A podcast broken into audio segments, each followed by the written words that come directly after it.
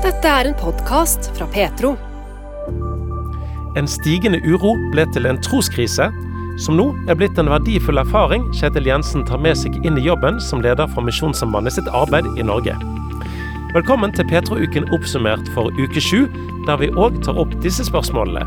Hvilken betydning har det når idrettskjendiser snakker om tro? Hvordan kan bønn bli en naturlig del av hverdagen til barna dine? Og hvordan snakke med sin muslimske nabo om tro? Hvem i en søskenflokk er flinkest til å få viljen sin? Frank Vorehaug han forklarer hvorfor ukens bibeltekster ga han assosiasjoner til fordeler ved å være storebror. Det får du høre mot slutten av denne podkasten. Men først i Petro-uken oppsummert skal vi altså inn i en troskrise, så å si.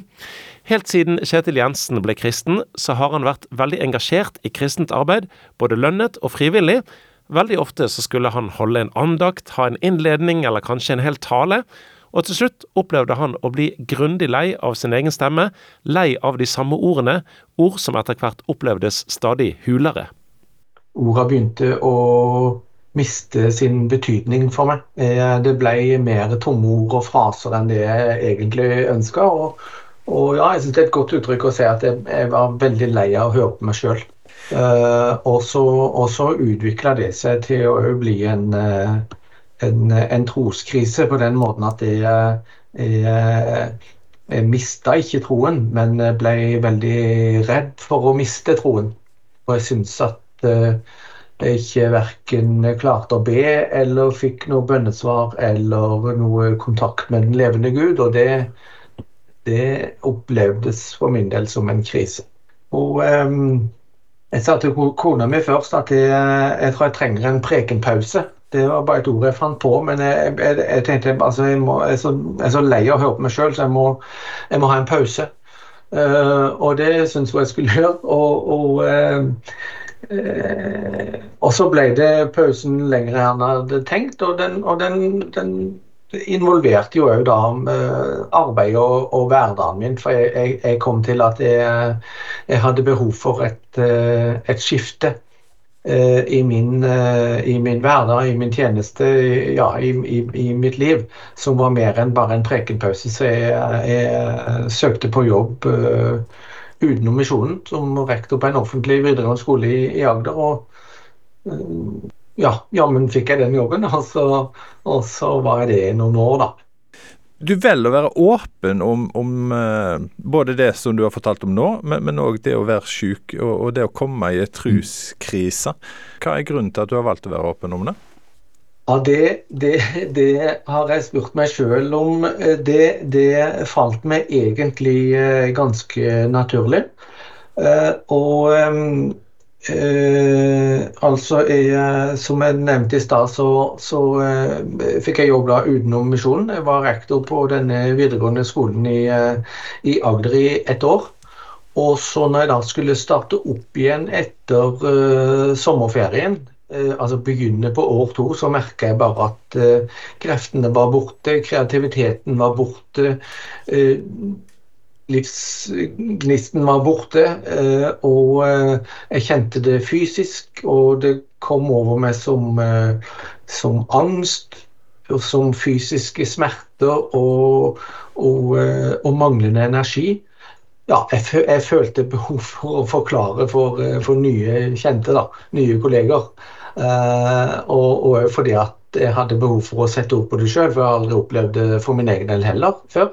Eh, og så fikk jeg egentlig veldig god respons på det. De, de var glad for at jeg var åpen, og, og, og, det har jeg opplevd at folk har, eh, har satt pris på og gitt meg gode tilbakemeldinger på. og Dermed har jeg fortsatt med det. Og så er det jo sånn at jeg har jo eh, etter hvert etter hvert så kom jeg jo i gang igjen med, med forkynnelse og, og, og, og sånn. Da, og da, hadde jeg jo liksom en arena, en, en talerstol, for å, for å, dele litt av de tinga òg sånn personlig, da. I, i, i bibelutlegging og, og forkynnelsen, da. Det å være eh, åpen om dette her. Nå, nå skal jo du òg eh, 15.2 starte som leder for eh, Misjonssambandet, som er Norges største misjonsorganisasjon, eh, sitt arbeid i Norge. Du har den erfaringen du har med deg, og, og, dette her Det er jo mange som, som er veldig engasjert i Kristen-Norge. Det er mange som eh, har mange kvelder i løpet av uka de er engasjert i både lønna og ikke minst frivillig arbeid. Mm. Kan det bli altså En har jo sånn uttrykk av at det blir for mye Møllers tran. Kan det bli for mm. mye kristent arbeid? Ja, det kan det for noen. Det, det, det er klart det kan det. Og, og øh, øh, for min del så, var det, så, ble, så, så ble, det for mye. Altså det ble øh, belastninger, ulike belastninger oppå hverandre. Jeg var i ja, fulltidsjobb på, som rektor på en kristen internatskole. Det innebærer en god del. Og så satt jeg i, eh, i kretsstyret og til og med i hovedstyret en periode.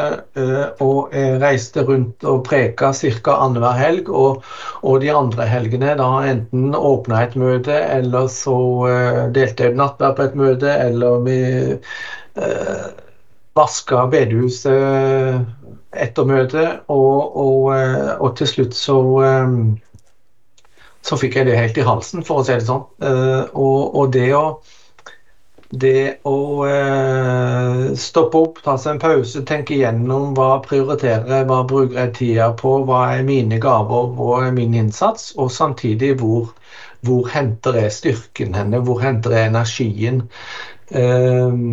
på hvilken måte skal jeg liksom lese i Bibelen og ha en, et bønneliv som, som, som, kan fungere og som kan bære. Og det er jo en, en genuin kristelig bibelsk tanke at det er jo, det er jo eh, det er Gud og det er livets kilde som skal bære med, og, og, og ikke motsatt.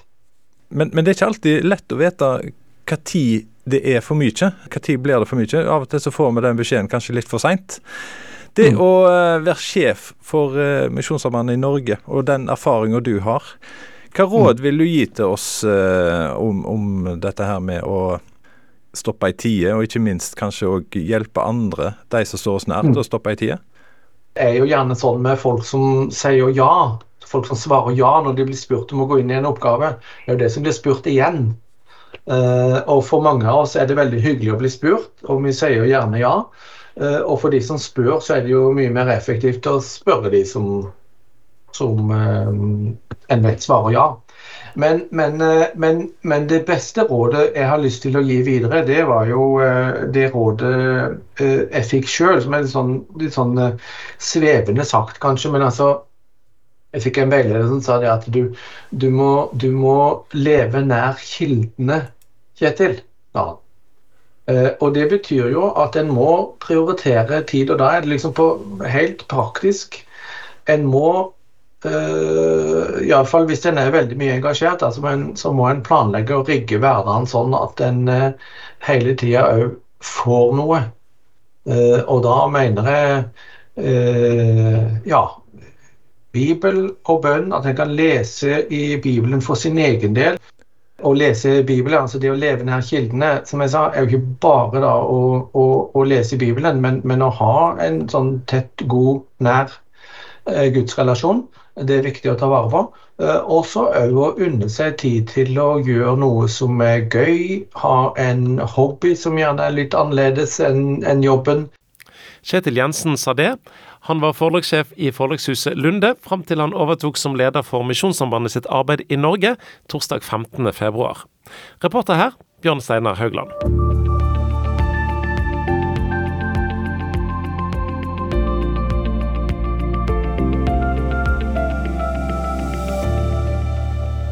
Det å be er som et språk man kan øve på, det sier Bodil Gjerland Sebjørnsen, som er lidenskapelig opptatt av at barn skal få bønn som en naturlig del av hverdagen sin. Lær dem å be er tittel på hennes tredje bok for barn i skolealder, med bibelsitater og fargerike illustrasjoner av Katrine His. Boken den har korte tekster om bønn, sammen med skrevne bønner som passer inn i både hverdagslige og vanskelige situasjoner. Faktisk har ikke det, mange, det er en del sånne bønnebøker har jeg sett på markedet. Men vet du hva, her ville jeg at barna sjøl skulle lære seg å be for andre. Eh, jeg tenker at vi ofte så er vi opptatt av oss sjøl og, og, kanskje be for oss sjøl, og barna lærer seg det tidlig. Men jeg vil at de skal løfte blikket vekk fra seg sjøl og se gjerne hva situasjonen sitter andre oppi akkurat nå. Kan jeg være med og be inn i den situasjonen? Det står om ulykker, det står om når noen er på sykehus, når noen er død. Hvordan kan vi be da? Så kan familien få hjelp, sitte sammen og be en felles bønn. Det styrker både relasjon til Gud og relasjon til hverandre. Vi er sammen om noe. Så det er utgangspunktet for den siste. Og, og, det ligger jo litt i sakens natur her at du tenker at bønn det er noe som, som går an å lære seg? Ja. ja, jeg tenker at det er jo nettopp et språk. Altså, vi, vi lærer oss at um, vi, vi, lærer oss å gå, vi lærer oss å snakke. Og når vi har lært oss å snakke, så lærer vi mange forskjellige ting. Og det å henvende oss til noe som er større enn oss sjøl, tenk for en rikdom det er. Å lære det fra du er liten at ja, livssituasjonen min i dag, den ser tøff ut, men jeg kan løfte blikket mitt, og jeg kan be til en som er enda større enn den situasjonen jeg og min familie står oppe i i dag. Ja, det er målet. Hvis du skulle tatt en eh, aldri så liten sånn der eh, Jeg har nesten bønns ABC. Hva, hva, tenker du er viktig å eh, på en måte ha klart for seg før en, før en ber? Hva trenger vi å vite for, å, for at det skal være aktuelt i det hele tatt? Da tenker jeg først vite at Gud er god. Punkt én. Gud er god, og Gud vil det beste for meg. Og han elsker meg med en evig kjærlighet. Det syns jeg skal være i bunnen for alt vi gjør, egentlig som handler om Gud og Guds rike. Jeg er elska, jeg er skapt med en hensikt. Salme 139 står det, fra jeg var et foster så dine øyne meg. Og i din bok var alle mine dager skrevne opp, står det der. Um, det er i bunnen. Og når jeg veit at jeg har med en kjærlig og god far å gjøre, så kommer jeg til han både med min sorg, med min glede, med min eh, smerte. Eh, og da er det lett å på en måte eh, henvende seg til Gud. Så jeg tenker det er i bunnen. Og så er det Bønn er jo en samtale. Vi skal ikke gjøre det vanskelig. Det er enkelt. Vi snakker sammen som mennesker, og vi tror at Gud er en person. Gud, Jesus og Den hellige ånd. Tre i én person, tror jo vi. Og vi tror at han hører oss når vi snakker til han, når vi sukker til han. Det var mange historier i Bibelen på at, um, at mennesket ble hørt uten at det var de store ropa, kanskje. Så anbefaler du til å finne et stille sted og, og kanskje lukke øynene så en ikke blir distrahert? Mm. Ja, jeg, jeg tror at det, Gud hører bønn overalt. Jeg sjøl ber jo overalt. Men jeg tror at det, det er en egen rikdom å kunne sette seg ned, legge seg ned, eller være en plass der du, er, der du kan fokusere. Og for meg så er det blitt mer og mer òg det å være stille. Altså lytte. For jeg tror at det med bønn, det er nett som en toveiskommunikasjon. Jeg taler, men jeg lytter òg om Gud eh, gir meg en tanke, eh, eh. Så jeg syns det er veldig fint å, å, lære seg det at eh, ja, det står i stillhet og tillit skal din styrke være. Jeg tror det ligger mye hemmeligheter der. Men som sagt, bønn kan vi gjøre overalt. Men å lære seg å ha en egen plass, en egen stol, en egen Ja. Det, det kan kanskje være en styrke. Av og til, i hvert fall. Men eh, det med bønn, sett, eh, passer det for barn? Om bønn passer for barn? Absolutt, bønn passer for barn. Det å henvende seg til noen som er større enn seg sjøl. Eh, tenk et barn som opplever savn og sorg i familien, gjerne. At, og av og til kan de voksne rundt være utilgjengelige, nesten, for de har nok med sin egen smerte. Og så har barnet lært at ja, jeg har noen jeg kan henvende meg til. Det er fantastisk. Tenk for en rikdom. Det vet at uansett eh, så kan jeg gå til Gud. Jeg kan sette ord på lengslene, drømmene, sorgen, savnet til Gud. Det er fantastisk. Ja. Og det Bodil Sebjørnsen håper på, er at foreldre kan bruke den nye boken hennes som en anledning til å be sammen med barna sine. Mm, absolutt.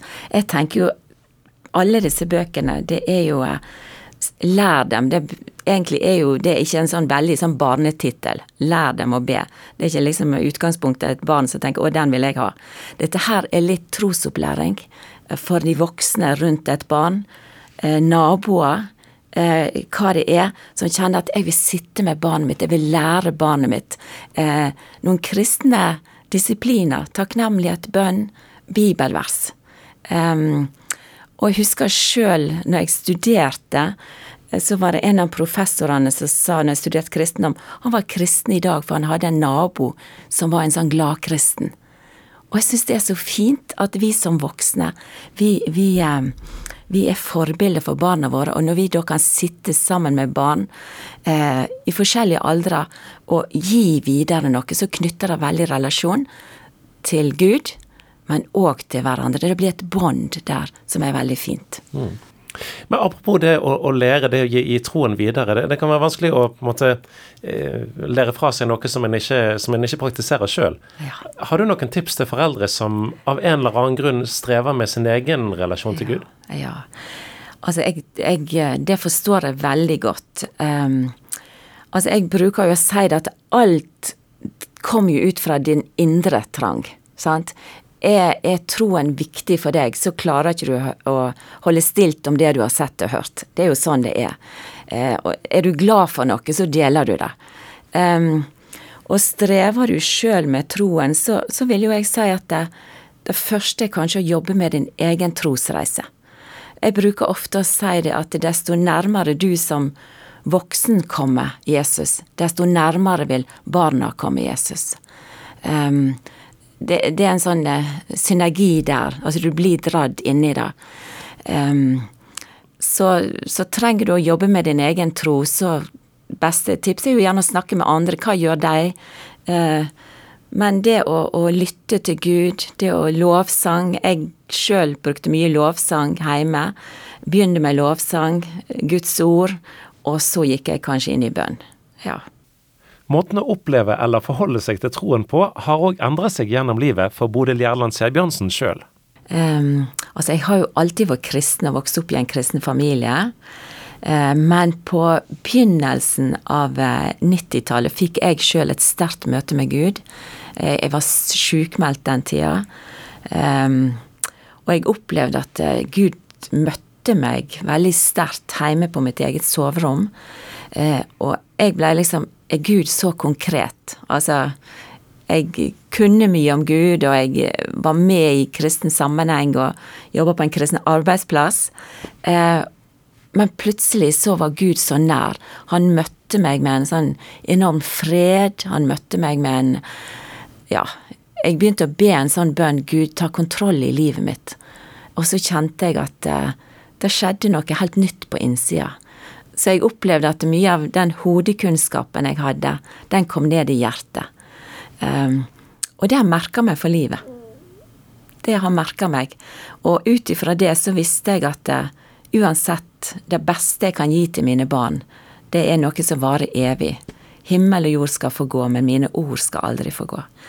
Um, og før jeg hadde den opplevelsen, så hadde jeg nok de tankene. Det hadde jeg nok absolutt. Men det gjorde til at uh, lidenskapen min Min lidenskap ble større. Det er vel egentlig det. Ja. Og, og nå eh, har du altså gitt ut nå tre bøker for å skal si, jeg har nesten spre det videre? Mm, absolutt. Ja, det er bare, det er bare å spre det videre. Det er liksom eh, ja, himmel og jord skal få gå, men mine ord skal aldri få gå. Og her er liksom praktisk hjelp, bruke Guds ord. For det, det, er ikke bare en teori, men det er et liv å leve. Et praktisk liv. Altså, jeg er jo av den oppfatning at troen skal være en naturlig del av hverdagen. Det er ikke noe vi gjør om søndagen eller en spesiell tid på dagen. Troen er, som jeg har sagt til mine barn, altså når vi spiser frokost, så spiser vi skive, og etterpå sier jeg mennesket lever ikke bare av brød, men av hvert ord som kom fra Guds munn. Da spiser vi Guds ord. Så konkret kan vi være inn i hverdagen. Eh, men, men, når dine unger var små, eh, hva gjorde dere for å på en måte få troen inn i, i hverdagen eh, hjemme? Ja, da sa jo jeg det allerede litt at vi begynte jo med frokosten. og at det delte et bibelvers eller en historie, en fortelling. Og så gikk det jo gjennom hele dagen, en naturlig bit ut av familielivet. Eh, når vi satt med middagen, så snakket vi gjerne om ting som har med Bibel og Gud å gjøre, opplevelser av bønn. Eh, jeg husker vi hadde bønnebok. Vi skrev ned bønneemnet. Jeg husker det var noen som var veldig syk i familien en periode. Så ba vi veldig for dem. Og så Av og til så ble jo folk friske, og da kunne vi sette inn 'Tusen takk, Jesus' og skrev inn det, sånn at bønn ble en naturlig bit. Og så var jo dette med menighet. Eh, for meg så er det veldig viktig i et familieliv å, være, å gi seg til en menighet. I vår familie, bruker jeg å si, der går vi til kirke, bedehus, menighet. Ehm, det er viktig for oss, for troen vår. Ehm, hvorfor det? Jo, fordi at da møter vi mange andre som tror det samme. Eh, men òg for at vår tro skal bli styrka. Da fikk vi Guds ord, barna fikk gå på søndagsskolen. Eh, ja, du, du får inn det som vi familie står for, og av andre mennesker. Og jeg tror det er veldig viktig med familien, men vi trenger storfellesskap òg. Det er veldig viktig. Jeg hørte deg fortelle at, eh, at når, når barna dine gikk ut, så hadde du en liten sånn vane som, uh, ja. som du praktiserte. Hva var det? Ja, jeg velsigner deg ut døra. Velsigner deg. Bare Hans velsignelse veldig ofte over deg.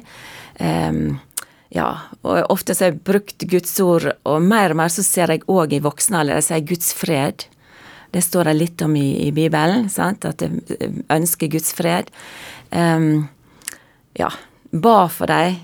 Ja, når jeg, når jeg sendte det på skolen og sånn, så, så var det en naturlig bit og gi dem fra meg, og gi dem til noen andre, som var Gud. Mm. Jesus han eh, oppfordrer oss til å bli som barn igjen. Eh, nå er vi vant til at i hvert fall små barn som regel ikke har den samme kapasiteten til, til å arbeide og gjøre ting som, som voksne, voksne, har. Kanskje det er annerledes med bønn? Ja, jeg tror at det er akkurat sånn det er. Gud vil vi skal ha den barnlige tilliten til Han. At han hører oss hele tiden. Mamma og pappa er kanskje opptatt, de voksne rundt, men han hører meg hele tiden. Og han vil at jeg skal komme akkurat sånn som jeg er, med alt det jeg har med meg, og gi det til han. Tenk for et fantastisk eh, mulighet det er for barna å lære. Bli som barn igjen, det er jo et honnørord, egentlig. Det betyr tillit, eh, overgivenhet, eh, å stole på. Jeg stoler på at han der Jesus, han hører meg, men han kan jeg alltid stole på. Han vil alltid høre på meg. Og jeg tror alltid jeg har lært, og jeg har blitt lært opp med at han vil alltid handle når jeg taler til han. Ja. Og boken Lær dem å be er nylig utgitt på Ventura forlag. Vi hørte Bodil Gjerland Sebjørnsen.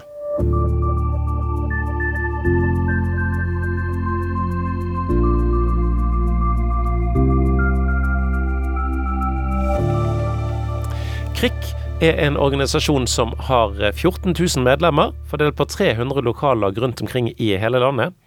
Forkortelsen står for Kristen idrettskontakt, og Vegard Husby han er generalsekretær. Hovedsakelig så er det medlemmer eh, under 26 år. Altså vår hovedmålgruppe er 13 til 26 år. Så der er det veldig mange unge som er engasjert i krig. Og så har vi også et stort uh, og blomstrende familiearbeid, som også innebærer at vi har ganske mange voksne medlemmer og ganske mange små barn. Så de som er voksne, de har meldt seg inn når de var 16 og kanskje bare vil være fortsatt medlem? Ja, vi har, vi har mange mennesker som nekter å gi slipp på krig og fortsatt uh, vil være en del av fellesskap, og ikke minst uh, lede sine barn inn i krigssammenheng. Mm. KRIK har en eh, visjon uh, om å skape idrettsglede, trosglede og livsglede, leste jeg på nettet. og Det er en utrolig fin visjon. Mm. Den er vi så glad i. Det er, eh, det er, de tre ordene som vi baserer vårt arbeid på, og som betyr veldig mye for alle som er glad i krig. De ordene sitter som tungt i vår bevissthet da, på hva vi ønsker å få til. Du, Og så er det flere kjendiser, idrettskjendiser som har stått fram de siste åra og fortalt at de har en tro. Hva betyr det for Krikk, og, og, og, hva betyr det for vanlig kristen ungdom rundt om i landet, tror du? Ja, når jeg prater med vår eh, tidligere generalsekretær Kjell Markseth, som var gründer av Krikk, eh, så kan han fortelle at eh, KRIK ble nok på mange måter bygd og fikk på en måte vind i seilene ut av at det var eh, kristne idrettsprofiler som åpent sto fram og fortalte om sin tro. Um, det beste eksempelet er kanskje Rune Bratseth, som jo var landslagskaptein og var en krikker og var veldig tydelig på sin tro uh, og delte det åpent.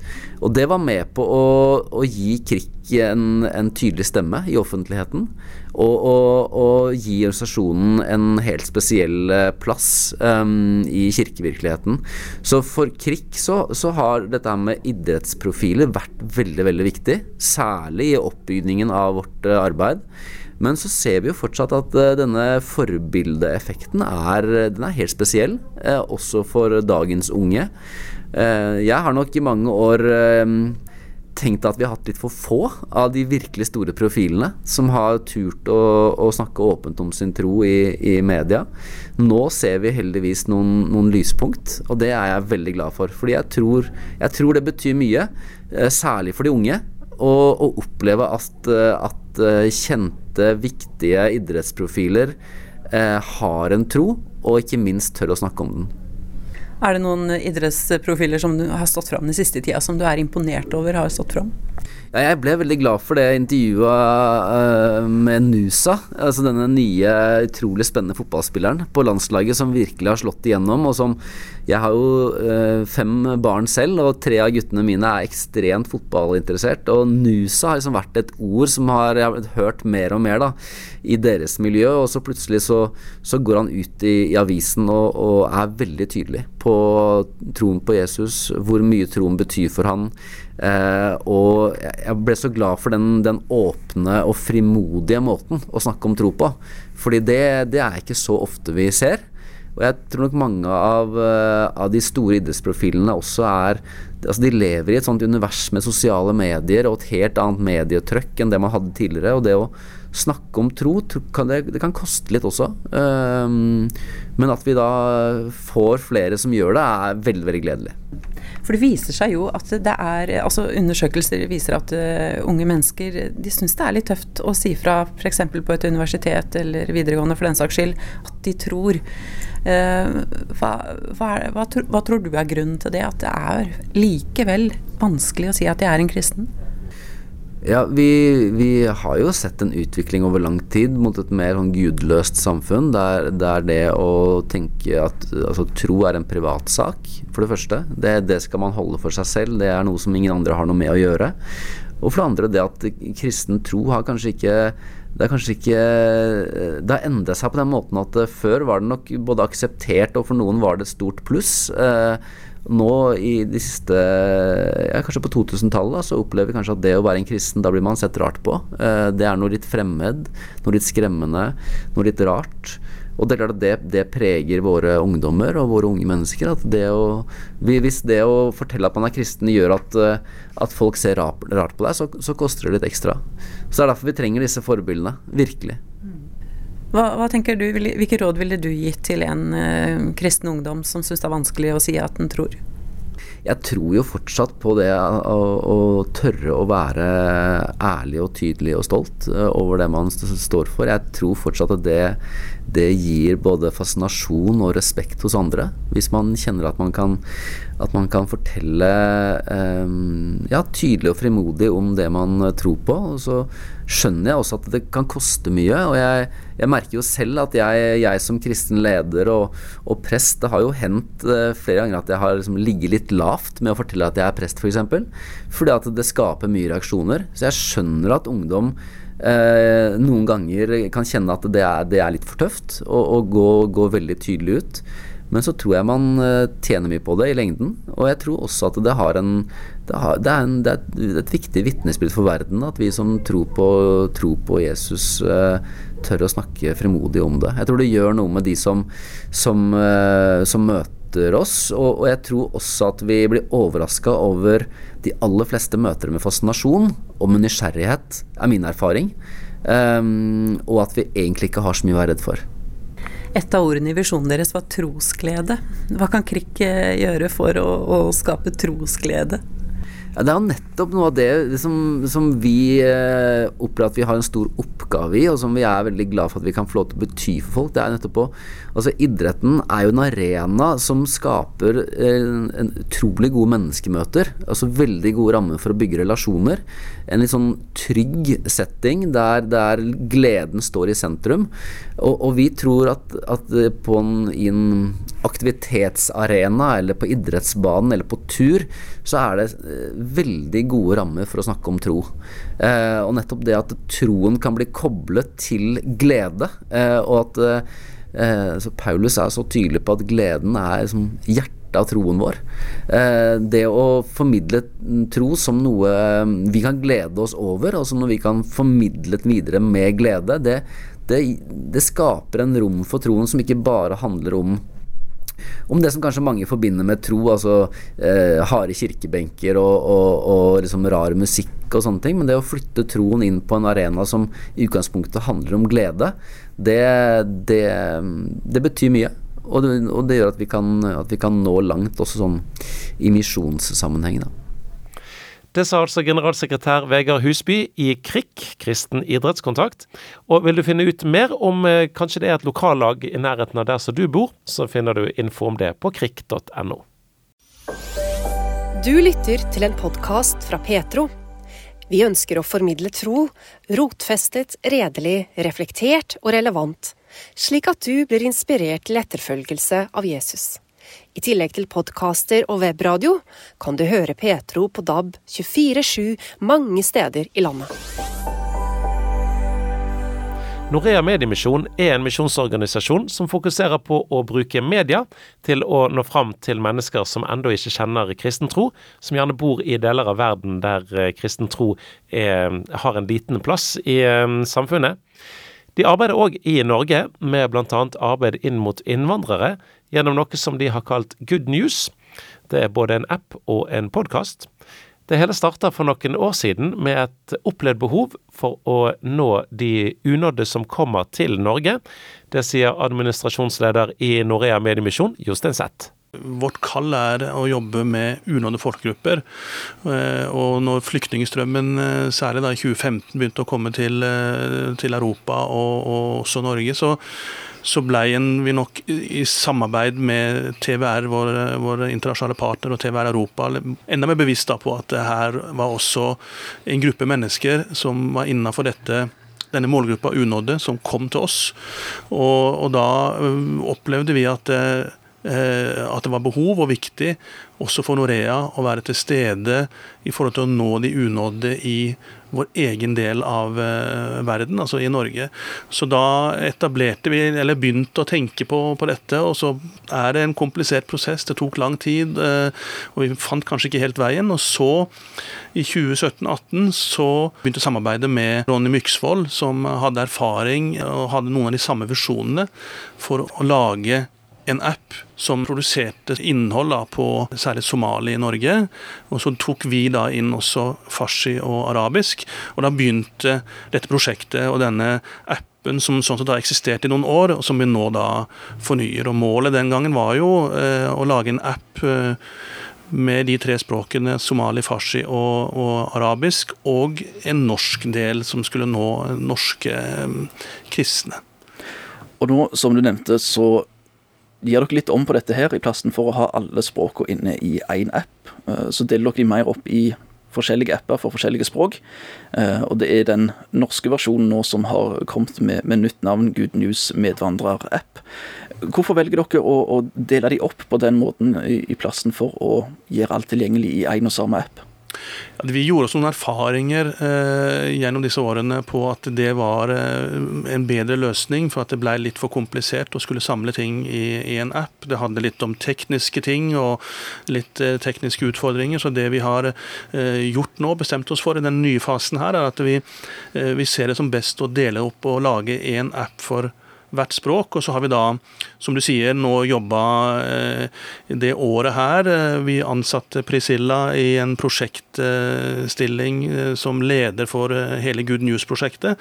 Og har da en, en, person i 100% som jobber helt målbevisst og på fulltid med dette. Og da har vi sagt at det første steget vi vil gjøre nå i fornyelsen av prosjektet, det er å få opp denne norske appen, medvandrerappen, som da vi har fylt med, med innhold retta mot kristne nordmenn, for å utruste og inspirere til det å eh, nå ut til eh, våre nye landsmenn, til å nå ut til de unådde i våre nabolag. Og da eh, inneholder den appen eh, mye ressurser til undervisning og, og, og utrustning. Og vi har også en egen podkast som bl.a. sendes på Petro, som heter Good News-podden, hvor vi da går inn f.eks. i undervisning og samtale med folk i forhold til kristendom i møte med islam. Eh, vi deler vitnesbyrd, historier om mennesker som har jobba i kristent innvandrerarbeid og, og, og, som kan gi tips. Og vi deler også vitnesbyrd fra, fra, innvandrere som har blitt kristne i Norge, for å være med å inspirere og se dette som et, et, et viktig oppdrag for oss som kristne nordmenn. Dette er en del av det som jeg tenker Gud har kalt oss til. Det å se de rundt oss. Og når vi da ser at eh, verden kommer til vår eh, egen bakgård, til vår egen dørstokk, og vi faktisk ja, 40, mer enn 40 000 somaliere i Norge. Det er mer enn 80 000, kanskje opp mot 100 000 mennesker som snakker arabisk i Norge. Det er mer enn 40 000 som kommer fra Afghanistan og Iran, som, som forstår, til dels snakker farsi dari. Så er dette et eh, oppdrag som vi har enda flere Vi kunne nevnt tyrkere, eh, urdu, altså pakistanere eh, osv. Så, videre. så Så dette er en viktig del av, av oppdraget vårt som eh, en medie, mediemisjonsorganisasjon som bruker digitale medier for å nå unådde folkeslag i, i, i verden. Priscilla Assis leder Good News-prosjektet i Norea Mediemisjon, og interessen for nettopp disse tingene har med hennes egen erfaring å gjøre. Eh, jeg kommer fra Brasil, og jeg ble kristen da jeg gikk på videregående og var på utveksling i USA. Eh, og så det at jeg var i et nytt land og måtte lære nye ting og eh, kanskje jeg var litt mer åpen til Bibelen og Jesus og ja, alt eh, som har med tro å gjøre, eh, syns jeg var veldig viktig for at jeg kunne ta det steget og, og, ville gå sammen med Jesus. Og siden da eh, har det vært en, en, reise da jeg hadde også lyst til å se til de som kanskje var i samme situasjon som meg. Kulturforskjeller er jo noe som du da har kjent på sjøl. Hvordan skal vi møte disse kulturforskjellene på en god måte for å være med og, og bringe evangeliet om, om Jesus til våre nye landsmenn som, som, kanskje ikke har det samme forholdet til han. Eh, hva er dine tanker rundt, eh, rundt, det? Kanskje når vi tenker på det, kan det høres veldig komplisert ut. Men det er egentlig veldig lett. Det er bare å være interessert og være villig, eh, spesielt til å lære. Og det er det vi vil bidra med i Good News-appen. Og gi ressurser der man kan ta tid til å sette seg inn i hva forskjellen mellom religionen. Kanskje de, de fleste innvandrere fra unådde folkeslag er her. Og så andre kulturelle aspekter. Og denne Good News medvandrerappen den er jo spesielt retta mot kristne nordmenn som, som, ønsker å være en medvandrer og, og ønsker å møte uh, nye landsmenn fra annen kultur, fra annen religion, og, og snakke med dem om nettopp kristendommen. Eh, på hvilken måte er det dere legger opp til at, at det skal være mulig gjennom appen? Jeg tenker at uh, først med å inspirere, f.eks. med Good News-poden, å kunne høre historier eh, og kunne være bevis over mulighetene eh, når vi hører f.eks. Om, eh, om Bente Hins, som eh, var med på en episode da det heter 'Det er kjempelett å bli kjent med dem'. som hun rett og slett bare går ut i gata og snakker med når hun ser det noen kommer fra et annet land. Hun bare snakker med dem, og, og, hun har opplevd så mye eh, med å bare bare si hei. Eller ja. Eh, så ja, en måte å inspirere. Men det er også å være klar. Eh, det står jo i Bibelen at vi skal være klar til å svare. Det er grunnen til våre håp? Og det var eh, veldig spennende å høre. Jeg snakka med en ung mann som er veldig engasjert i å og snakka med muslimer. Og han sa at eh, han kom i samtalen med jeg tror det var to. Og de stilte mange spørsmål til han om eh, kristendom og Bibelen. Og, ja. og han sa at eh, han hadde hørt på akkurat det samme spørsmålet i podkasten Eh, og hvordan han skulle svare til det. Eh, så også det med å kunne være klar til å svare.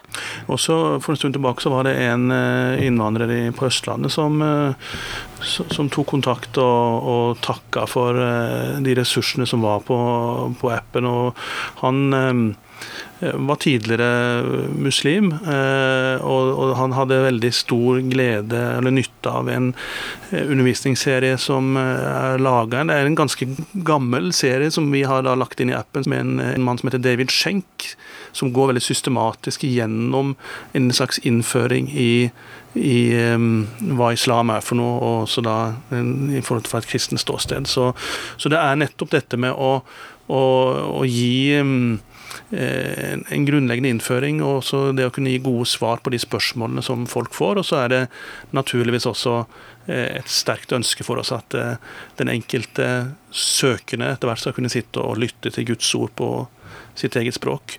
Det som jeg må si, bare for, for å skyte inn det her, det som jeg har gjort inntrykk på meg i arbeidet med det her, det er jo En oppdager jo etter hvert at det finnes veldig mange rundt omkring i Norge i alle aldre på bedehuser og i menigheter rundt omkring som har et veldig stort hjerte for å nå innvandrere med evangeliet, som gjør en stor innsats. Eh, med ulike forutsetninger, kanskje. Noen kan ikke så mye språk nødvendigvis, men de har et hjerte som, som, som, som blir synlig i måten de eh, møter eh, innvandrere på. Ehm, og, det er jo disse vi ønsker på en måte å være med og, og, og inspirere og, og, utruste enda mer. Så jeg, jeg blir veldig oppmuntret av å se det, fordi det er klart det er en terskel for mange. Um, og, det, det, å kunne ha en sånn en et digitalt virkemiddel som, som, det appen er, der vi har samla mye ressurser. Eh, alt fra vitnesbyrd til mer dybdeundervisning, eh, der folk kan lære mer. Det tror jeg faktisk er veldig nyttig. Ja, og jeg tenker også en viktig del av prosjektet er å engasjere.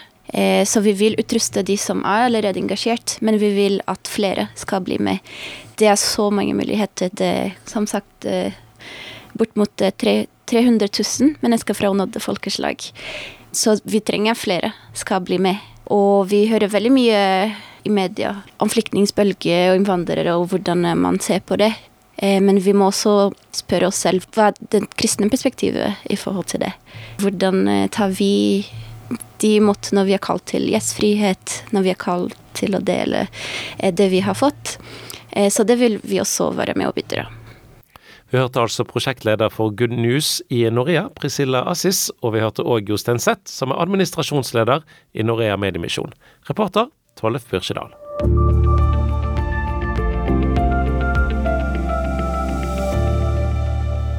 I kirkeåret så er vi kommet fram til første søndag i fastetiden når det gjelder gudstjenesten den 18. februar.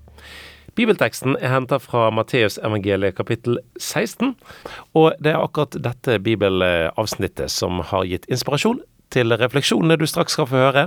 Her er Frank Borhaug. Jeg har ikke noe lyst, men jeg vet at jeg må. Det kan handle om tannlegetimen jeg burde ha bestilt for lenge siden, dekkskift på bilen som jeg ikke kan fordra fordi bolten er sikkert rustet fast i år også eller en utfordrende samtale jeg skulle tatt med sønnen som viser noe foruroligende tegn til et eller annet. Prokrastinering er et fremmedord for et gjenkjennelig, men lite konstruktivt fenomen. Jeg skyver det foran meg, utsetter det i det lengste, for dette vil jeg helst ikke forholde meg til. Men det er rart med det, det som er gjort, er det som regel veldig greit å forholde seg til, ja, en lettelse å se tilbake på at det er gjennomført, og det gikk jo bra men det var å få gjort det. Jeg vet jeg må, men Søndagens prekentekst forteller oss at Jesus begynner å forberede disiplene på at han må dra til Jerusalem, selv om det innebærer stor risiko. Fra da av begynte Jesus Kristus å gjøre det klart for disiplene sine at han måtte dra til Jerusalem, og at de eldste, overprestene og de skriftlærde skulle la ham lide mye. Han skulle bli slått i hjel, og den tredje dagen skulle han reises opp. Sikkerhetsmessig ville det vært lurest av Jesus å holde seg unna hovedstaden og den religiøse eliten nå en stund til ting roer seg. Men han må, for det er noe avgjørende som skal skje der oppe. Det har store omkostninger, det vil bli dramatisk, men det må til for at noe bedre skal bli mulig. Kjærligheten trumfer egen komfort.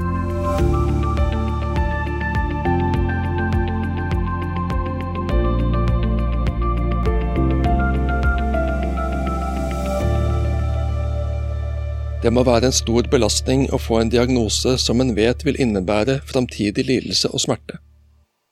Å vite at om noen måneder eller år vil jeg bli gradvis dårligere og få mye vondt, det må være vanvittig tøft. Det er ikke godt å vite om vonde ting som kommer i framtiden. Det vil høyst sannsynlig prege tanker og livsveien videre. Jeg kunne ikke tenke meg å bli spådd. Selv om det er noe fascinerende med å få et glimt inn i framtiden, så er det også svært risikabelt og stor sjanse for at det vil prege tanker og valg, og begrense friheten min i tiden som ligger foran. På søndag skal det løftes fram i kirker og bedehus at Jesus forutsier til sine disipler at han skal lide, dø og stå opp fra de døde. Jesus visste at han skulle lide en smertefull og fornedrende død. Hva gjorde det med ham å gå og bære på det i bevisstheten? Hvordan preget det nattesøvnen hans? Nå er tiden for å forberede de rundt på det som man vet skal skje. Da må han ikke bare forholde seg til tankene selv, men også de nærmestes reaksjoner. Det vil ikke gjøre det lettere for Jesus, men det er viktig at de forstår. Tja, det er begrenset hva de forstår, men forhåpentligvis kan de forstå på sikt hva som virkelig skjer og hvorfor. Håper det. Det gir mening inn i smerten en går i møte.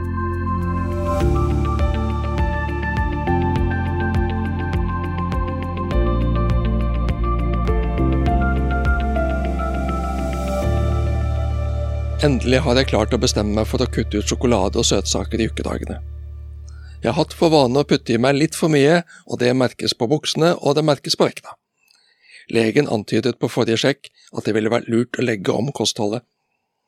Jeg har jo egentlig visst det lenge, men har ikke hatt antydning til motivasjon for å ta tak i det. Men nå, nå skal det bli andre boller. Nå skal jeg leve sunt. Et nytt og bedre liv, ja da. Men så kommer hun med kake på jobben for å vise at hun setter pris på kollegaene, og da må jeg jo verdsette det og vise at jeg setter pris på kaka. På besøk hos tante, som jeg har tenkt på lenge at jeg burde besøke, hun sitter jo så mye alene. Hun nøder igjen og igjen med konfekteskene og småkakene hun fikk til jul, som hun trenger hjelp til å få spist opp. Det ville være uhøflig å si nei takk. Dette er hverdagsutfordringer som ikke får så dramatiske konsekvenser nødvendigvis. I søndagens prekentekst, hvor Peter bare vil være hyggelig og støttende overfor Jesus, så frister han i praksis Jesus til å gå utenom det krevende oppdrag han har kommet for å gjøre. Gud fri deg, Herre, dette må aldri hende deg, er Peters respons etter at Jesus har forutsagt sin lidelse og død. Jesus kunne valgt bort fangenskap, lidelse og smertefull død men da hadde han ikke kunnet åpnet himmelporten for oss. Det var velment fra både kollegaen, tante og Peter, men de sto i veien for noe som var viktigere. Helse er én ting, frelse er helt avgjørende.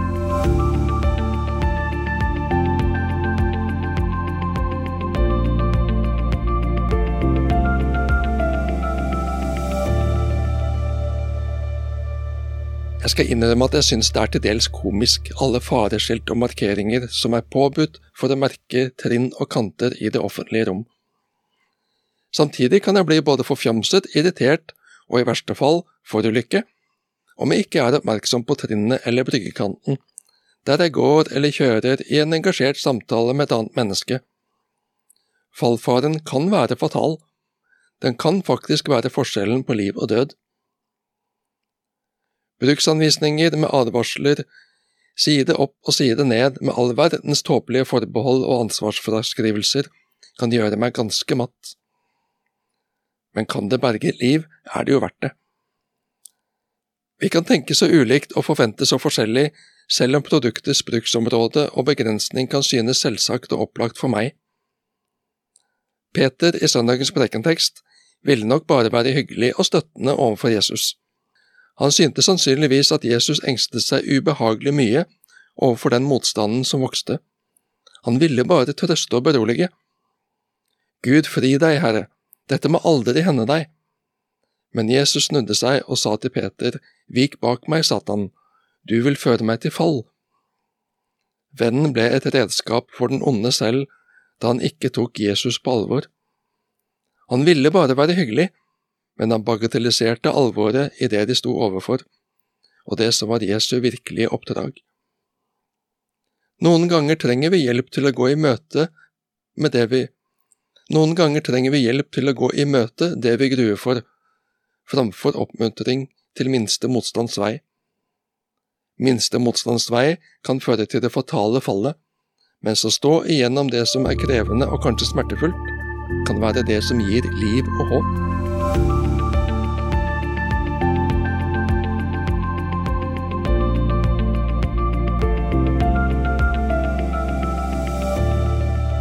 Jeg er storebror. Jeg er vokst opp i en brødreflokk på fire. Det har sine fordeler å være storebror, selv om jeg foretrekker å trekke fram at de som kom etter fikk en noe friere oppdragelse enn det jeg selv fikk. Men det var sjelden jeg tapte i spill som innebar litt taktikk, for eksempel. Det var gøy å spille fotball så lenge jeg spilte med småsøsknene i oppveksten. Da var jeg stjerna på banen. Og i samtaler og diskusjoner kunne jeg en del år dreie samtalen så jeg som regel fikk min vilje. Jeg er ikke stolt av det i dag. Og det var skremmende gjenkjennelig å observere min eldste sønn da barna våre var små, og se hans omgang med sine småsøsken. Storebror eller storesøster vet ofte hvordan de skal te seg for å få vilja si. Det ser lite lekkert ut fra sidelinjen. Hvem får vilja si? Du har ikke tanke for det som Gud vil, bare for det som mennesker vil, er Jesus sin alvorlige respons til Peter, når Peter sannsynligvis i god tro vil berge Jesus fra de utsikter Jesus skisserer for deres ankomst til Jerusalem, og Jesus sier at han kommer til å lide under den religiøse eliten, bli tatt til fange og dø. Jeg ønsker å være en kristen, en etterfølger av Jesus Kristus. Hva styrer min tanke, mine valg og mine prioriteringer? Hvem sine ord har størst vekt for meg? Menneskers ord? Mennesker som gjerne er innflytelsesrike, populære og som har suksess? Eller Guds ord? Det enkleste er å følge tankegangene i samfunnet rundt meg og følge kjendisene, men jeg ønsker jo egentlig å lytte til og følge Gud. Det er Han som tross alt har oversikten. Det er han som har kontroll, selv om det ikke alltid er så tydelig i nuet. Det er ham jeg vil hjem til.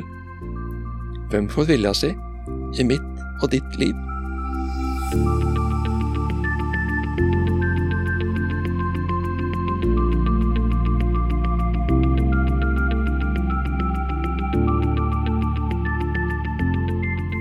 Frank Vorhaug var ansvarlig for denne ukens refleksjoner. Petrouken oppsummert er en podkast som kommer hver fredag ettermiddag. Jeg heter Bjørn Inge Sagstad. Vi høres.